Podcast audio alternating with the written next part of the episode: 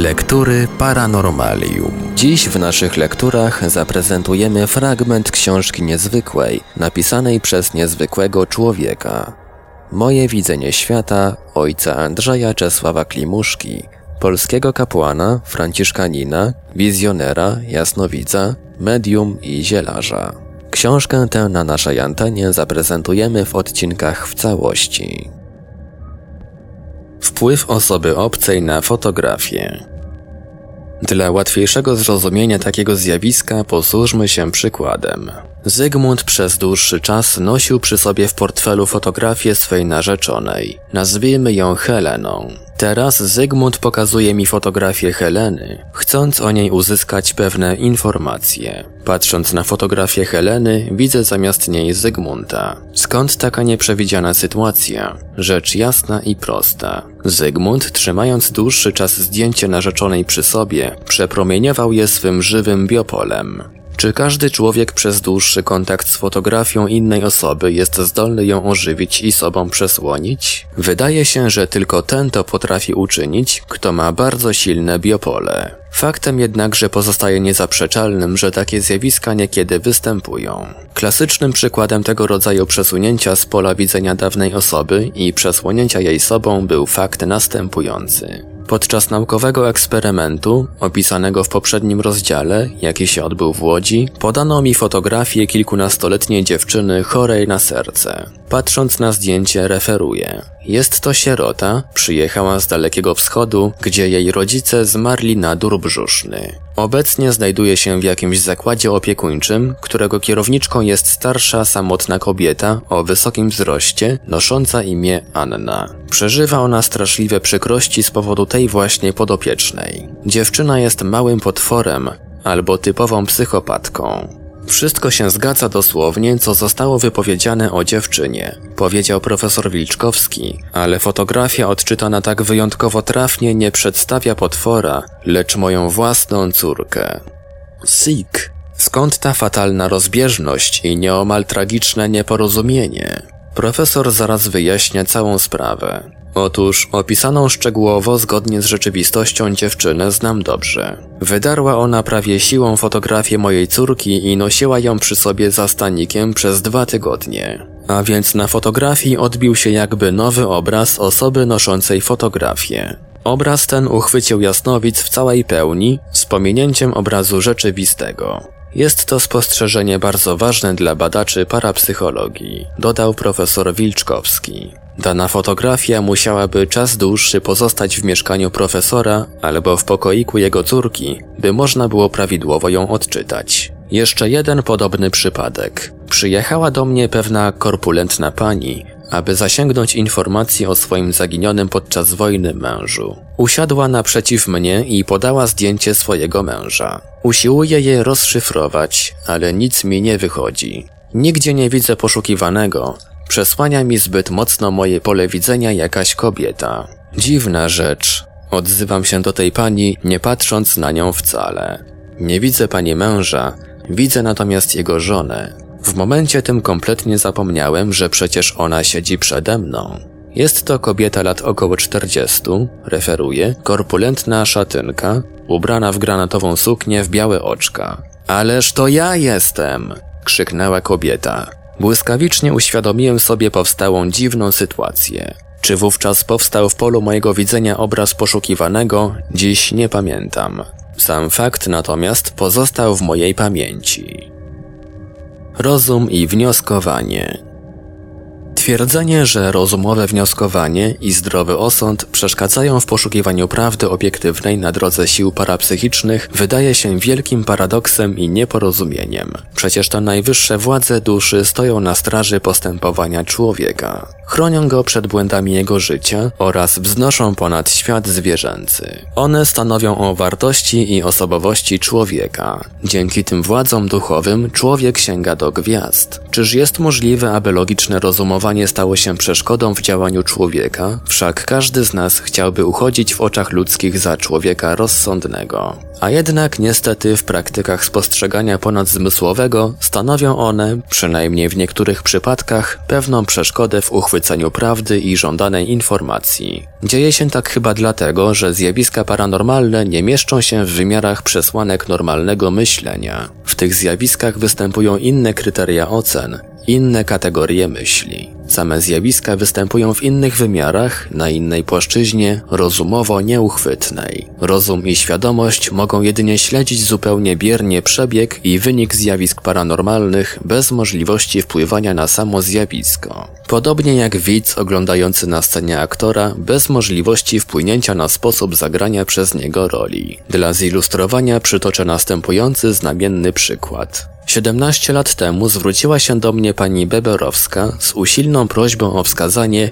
co stało się z jej siostrą, która przed miesiącem wyjechała z Sokółki Białostockiej do Gdyni. Nie dojechała jednak do celu i nie powróciła do swego domu. Patrząc wnikliwie na fotografię zaginionej, wyjaśniłem, że losy jej siostry rozstrzygnęły się tragicznie na skraju lasu, znajdującego się w pobliżu dużego miasta w odległości około 300 metrów od torów kolejowych, biegnących w kierunku wschód-zachód. Na pytanie, przy jakim to mieście, odpowiedziałem, że chyba Białystok. Dlaczego Białystok? Wnioskowałem logicznie i rozumowo. Na trasie kolejowej z Sokółki do Gdyni z większych miast jedynie Białystok otoczony jest z kilku stron lasami. Przemawiało zatem i to, że wtedy podróżnie jadący z Sokółki musieli w Białymstoku się przesiadać po dwóch godzinach czekania na pociąg jadący na wybrzeże. Sądziłem również, że poszukiwana, mając wiele czasu do pociągu gdyńskiego, oddaliła się od dworca na peryferię miasta, skąd mogła być porwana albo zwabiona podstępnie do lasu, gdzie ją zamordowano. A tymczasem po trzech miesiącach od chwili zaginięcia znaleziono zwłoki w lesie pod Olsztynem. Wymienione wyżej okoliczności, na rozum rzecz biorąc, przemawiały raczej za Białym Stokiem, a nie Olsztynem. A więc widzenie parapsychiczne samego wydarzenia, czyli istota widzenia faktu i najbliższego otoczenia, las, miejsca zbrodni, było bezbłędne. Okoliczności natomiast i podanie innego miasta wskutek rozumowania okazały się błędne. Czasami zdrowy rozsądek w widzeniu paranormalnym jest zaskoczony nieprawdopodobieństwem danej sytuacji i w imię zdrowej logiki protestuje przeciw niektórym okolicznościom towarzyszącym danemu wydarzeniu, co wywołuje mylne orzeczenia. Oto przykład takiego zjawiska. W roku 1947 pewien inżynier S z Warszawy zwrócił się do mnie w sprawie swojego syna zaginionego w czasie powstania warszawskiego. Wskazałem mu miejsce, gdzie ma szukać zwłok młodego bohatera. Było to miejsce w rowie przy szosie Warszawa-Sochaczew na 53 kilometrze licząc od rogatki warszawskiej. Leży z nim jego kolega. Przy obu znajduje się broń palna w postaci automatów. Widzenia takiego nie mogłem żadną miarą zrozumieć. Dlaczego? Jakim prawem przy zabitych pozostawiono broń, skoro obaj zostali przez Niemców rozstrzelani? Niepodobna, aby Niemcy mogli przy nich broń zostawić. To by się sprzeciwiało zdrowej logice, a jednak broń była zostawiona rzeczywiście, co stwierdzono w czasie ekshumacji zwłok. A więc oko ducha człowieka jest niekiedy pewniejsze niż mędrca szkiełko i oko, nawet niż sama myśl logiczna.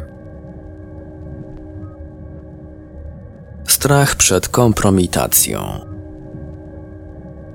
Szeroko znana w świecie naukowym, zwłaszcza na zachodzie, telepatka i zarazem jasnowidząca Miss Piper przyznała się, że zawsze przed każdym swoim pokazowym występem wobec publiczności przeżywała tortury strachu. Obawa przed niepowodzeniem i kompromitacją jest dla jasnowidza zbyt szarpiącym nerwy przeżyciem. Tłum bowiem jest zawsze, choćby się składał z naukowców i ludzi kulturalnych, nieufny, zmienny, kapryśny i niesprawiedliwy. Jedno potknięcie, jedno niepowodzenie w akcji jasnowidza budzi w niektórych ludziach zwątpienie w przypadki nawet uwieńczone największym powodzeniem. Jest to zjawisko powszechne, mające swe podłoże w psychice ludzkiej. W psychice każdego człowieka tkwi błędna ocena swoich i cudzych czynów. Swoich błędów się nie dostrzega, a cnoty wznosi się na szczyty doskonałości. U innych ludzi natomiast wady się potęguje, a zalet się nie dostrzega. Każdy człowiek, który się podejmuje jakiejkolwiek roli wobec publiczności, pragnie ją odegrać najlepiej i sumiennie,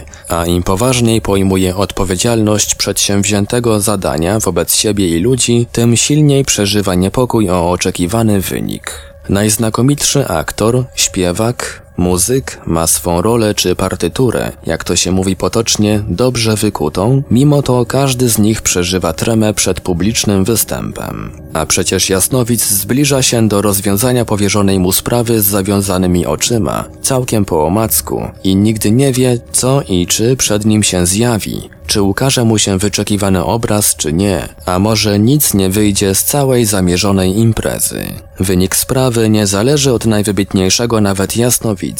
Jest on jedynie narzędziem tajemniczej siły informacyjnej pochodzącej z jakiegoś psychicznego aparatu telewizyjnego. Każda więc sprawa poważna, podjęta przez jasnowidza, jest nerwowa, wyczerpująca, onieśmielająca go i utrudniająca czasem skuteczność działania. Pod jesień w roku 1948, w niedzielne popołudnie, przyjechał do mnie starszy herbowy pan w sprawie uzyskania jakichkolwiek informacji o swym synu, który od dnia wybuchu wojny nie daje żadnego znaku życia. Nie zapytałem o miejsce ostatniego pobytu syna. Patrząc na fotografię poszukiwanego, orzekłem w ten sposób. Widzę go jadącego motocyklem z Łyninca w stronę Pińska.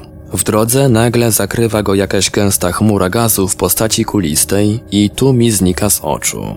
Według mnie on nie żyje. Po moich słowach ów pan się zrywa nerwowo z krzesła i mówi Nie wiem jak mam pana przeprosić za wyrządzenie mu krzywdy moralnej. Ja przyjechałem pana zdemaskować jako oszusta. Uczyniłem nawet zakład z kilkoma osobami, że pana przyłapie na oszustwie lub kuglarstwie. To było głównym celem mojego tutaj przyjazdu. Sprawa syna to rzecz uboczna, drugorzędna, gdyż mam wiadomość, że mojego syna zlikwidowały bandy ukraińskie. W moim zdrowym mózgu w żaden sposób nie chce się pomieścić to, że z fotografii można widzieć coś więcej poza samą podobizną przedstawionej na niej osoby. A przecież pani mi powiedział rzecz zdumiewającą, co przekracza ludzkie możliwości. Najbardziej mnie uderzyła wymieniona nazwa miasta, gdzie mój syn mieszkał jako inżynier zaangażowany w osuszanie błot poleskich. Przecież mało kto słyszał z Polaków o małym, nędznym miasteczku zagubionym na Polesiu, Łunincu. Teraz przez ten naoczny fakt staję się najgorętszym propagatorem pana niezwykłych zdolności. To przecież jest coś fenomenalnego. Panie, odpowiedziałem mu na to. Ta dziwna moja władza psychiczna jest i dla mnie niezrozumiałą zagadką. Otacza nas jeszcze wiele niezbadanych tajemnic. My sami jesteśmy wielką, nierozwiązalną zagadką. Nie ulega wątpliwości, że gdybym był wiedział, iż ten przyjezdny człowiek ma zamiar mnie zdemaskować, uważając mnie za oszusta, nic bym na pewno nie widział z fotografii jego syna. Świadomość jego podstępu i wrogie nastawienie nie pozwoliłyby mi się skoncentrować. Nie mógłbym widzieć ani miasteczka, ani tym bardziej jego nazwy, ani losów jego syna. W tym miejscu ktoś mógłby mi postawić zarzut. Jak to być może?